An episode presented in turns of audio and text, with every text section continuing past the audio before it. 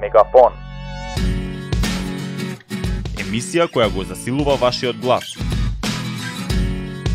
Потикнува дебата на актуелни теми и представува приказни за кои помалку се слуша. Следете не.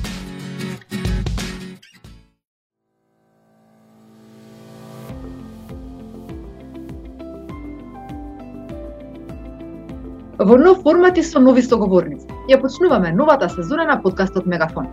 Тема е оно што во моментов е најактуелно – локалните избори. Така, на дел од вашите прашања и недоумици поврзани со изборите, ќе се обиде да одговори еден од неомилените доценти на правниот факултет во Скопје, Марко Кртолиц. Благодарам што сте дел од денешниот Мегафон. Благодарам на поканата, на вистина ми представува задоволство да бидам ваш гостин. Темата е на вистина интересна, ќе се потрудам да надам убави одговори и интересни одговори. Е, па ајде да почнеме. Што се локални избори и зошто се тие важни? Па во секоја нормална демократска држава, обично локалните органи се избираат директно на избори од страна на граѓаните. Практично, преку локалните избори, граѓаните имаат можност да одлучат кој наместо нив во наредниот период ќе ги решава локалните проблеми и ќе ги застапува нивните локални интереси.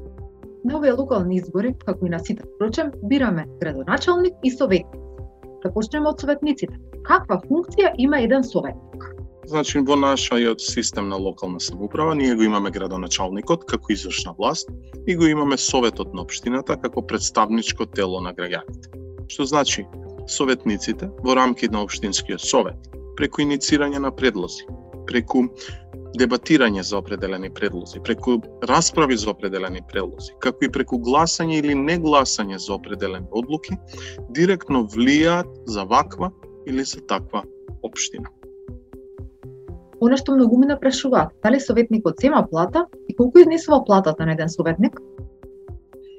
Советниците во Обштинскиот совет не заснуваат работен однос во Обштината за вршењето на нивната советничка функција. Тоа значи дека советниците за својата работа не земаат плата, туку на доместок за присуство на седница на Советот, како и дневни и патни трошоци.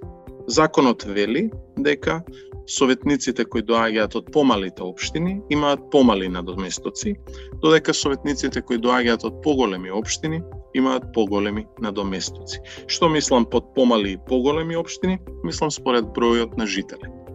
Во таа насока може да забележиме дека надоместокот на советниците почнува од 40%, па се до цела една просечна нето плата исплатена во текот на предходната година. Вака кога ќе ставите, доаѓаме до тоа дека ако треба да ги дадеме бројките, генерално нашите советници добиваат на доместок месечен во висина од околу 10.000 денари, па се до 23.000 денари, околу сега не ме факете најпрецизно за бројките, но тука се некаде, во зависност од општината од која доаѓа. А што зависи колку советници пак има во една општина? Бројот на советници е определен во Законот за локалната самоуправа и бројот на советници може да варира да се движи од 9 до 33 члена. Повторно, може да предпоставите дека ваквото варирање зависи од бројот на жители во општината. Значи, да земеме вака како пример, општина до 5000 жители има 9 советници, додека општина која има над 100.000 жители има 33. Тука треба да потенцираме дека единствено градот Скопје има вкупно 45 советници, за разлика од општините, но тоа е така бидејќи градот Скопје се води како посебна единица на локална самоуправа и бројот на советници за него е определен во законот за град Скопје. А дали советниците имаат работно време и дали доколку работат нешто друго се ослободени од работа, на пример денот кога имаат седница? Советниците немаат работно време во рамките на Обштинскиот совет и нивниот избор во Обштинскиот совет не доведува до заснавање на работен однос со Обштината. Тоа значи дека советниците слободно може да бидат вработени на друго работно место, а од нив се очекува да присуствуваат и учествуваат во работата на Советот и во работата на неговите постојани или повремени комисии.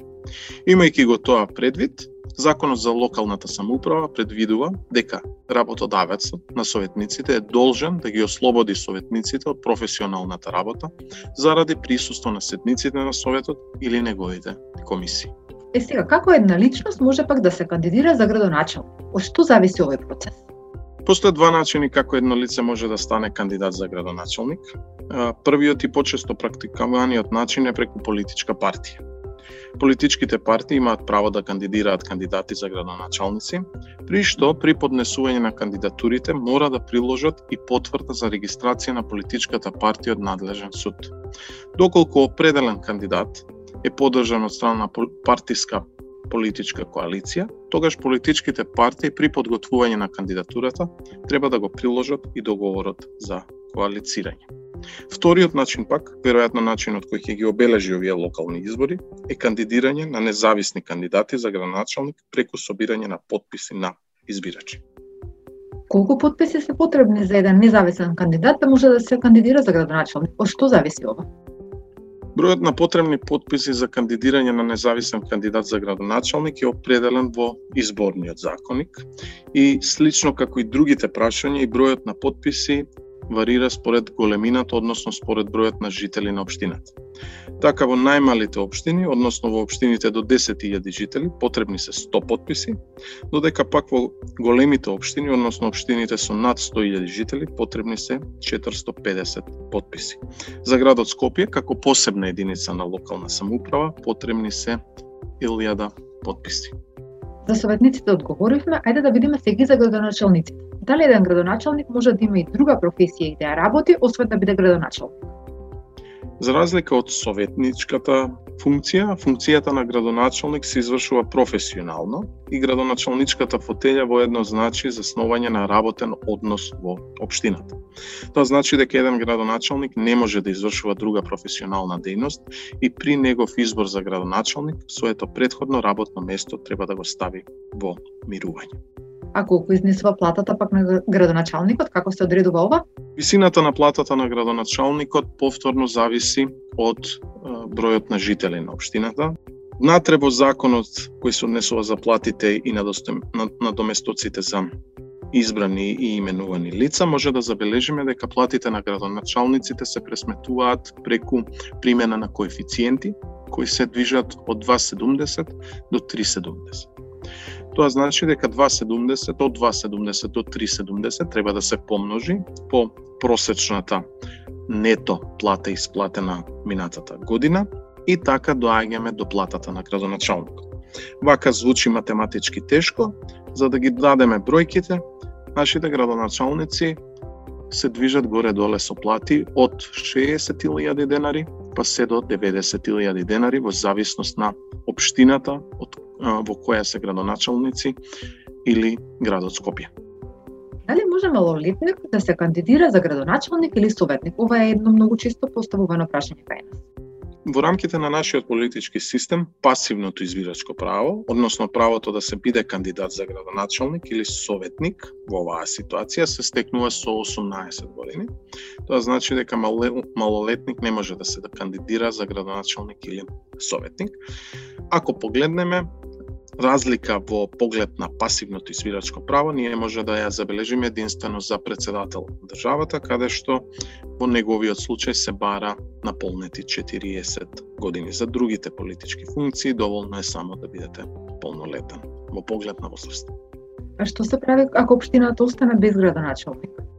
Законот за локалната самоуправа детално предвидува што се случува доколку една општина остане без градоначалник, односно доколку мандатот на градоначалникот престане или биде одземен. Во такви околности, под добиена информација од Советот на Обштината, Владата на Републиката ја констатира состојбата и иницира постапка за распишување на нови избори на кои ќе се избере нов градоначалник за преостанатото време од мандатот. Советот на Обштината пак, во постапка како за избор на председател на Советот, избира еден од советниците кој ќе ја врши должноста градоначалник се до изборот на нов градоначалник. Тука треба да споменеме дека избори за нов градоначалник нема да се спроведат доколку има помалку од 6 месеци до нови локални избори. А што ќе се случи ако општината остане без еден советник? Ако остане без еден советник, тогаш состојбата е далеку поедноставна отколку состојбата со градоначалник, бидејќи советниците се избираат преку пропорционален изборен модел, празното место ќе биде пополнето од наредниот на листа што треба да дојде од политичката партија од која предходниот советник бил. Дали можат да има предвремени локални избори? Предвремени локални избори на ниво на целата држава не можеме да имаме реално, затоа што тоа би значило сите градоначалници да им престанат мандатите или да им бидат одземени и исто сите совети целосно да бидат распуштени. Значи, ние најчесто предвремени локални избори имаме во посебни, одделни локални единици, во одделни општини. За градоначалник видовме како оди процедурата за предвремени локални избори, во случај да дојде до предвремен прекин или одземање на мандатот. Во случајот на Советот, Советот можеме да одиме на предвремени локални избори за советници, доколку самиот Совет одлучи да се само распушти. Доколку мнозинството од советници решат дека ќе го прекинат својот мандат, се само распуштаат, значи дека ќе треба да се оди на нови избори. И втората опција, Советот може по сила на закон да се распушти, бидејќи може да се случи натре во Законот за локалната самоуправа имаме предвидено дека доколку Советот донесе повторно пропис што предходно бил поништен или укинат од Уставниот суд, тогаш доаѓа до распуштање по закон на самиот Совет. Исто така доколку Советот донесе одлука со која се загрозува суверенитетот и територијалниот интегритет на Републиката, исто Советот се распушта по сила на закон и се иде на предвремени локални избори. Можеме исто во таква состојба да се најдеме доколку Советот не успее да го донесе општинскиот буџет и годишната сметка до 31 март тековната година или доколку не се состане во период подолг од 6 месеци. И последно прашање поставено на нашата Инстаграм анкета при подготовката на овој мегафон. Прашањето гласи: Зошто да гласам на избори кога знам дека се местени? Па, дека се местат. Не би рекол, тоа би била многу силна констатација. Меѓутоа, јас секогаш велам зошто да се гласа на избори. Изборите не се перфектниот механизам, меѓутоа се најдобар механизам како граѓаните може да влијаат кој ќе ги представува нивните интереси. Доколку не, го, не ги поседуваме изборите како механизам, ние не можеме директно да влијаеме кој ќе седи во градоначалничкото столче, кој ќе седи во советничкото столче и практично не можеме да ги држиме одговорни. Ако не постојат изборите, тогаш веројатно ќе треба вон институционално да дојде до промена на политичките функционери, а вон институционалната промена секогаш е многу полоша опција отколку по пат на избори. Ви благодарам на одговорите и за учеството во овој мегафон. Толку од нас, следете на наскоро со нов гостин и нова актуелна тема. Мегафон Емисија која го засилува вашиот глас потекнува дебата на актуелни теми и представува приказни за кои помалку се слуша. Следете не.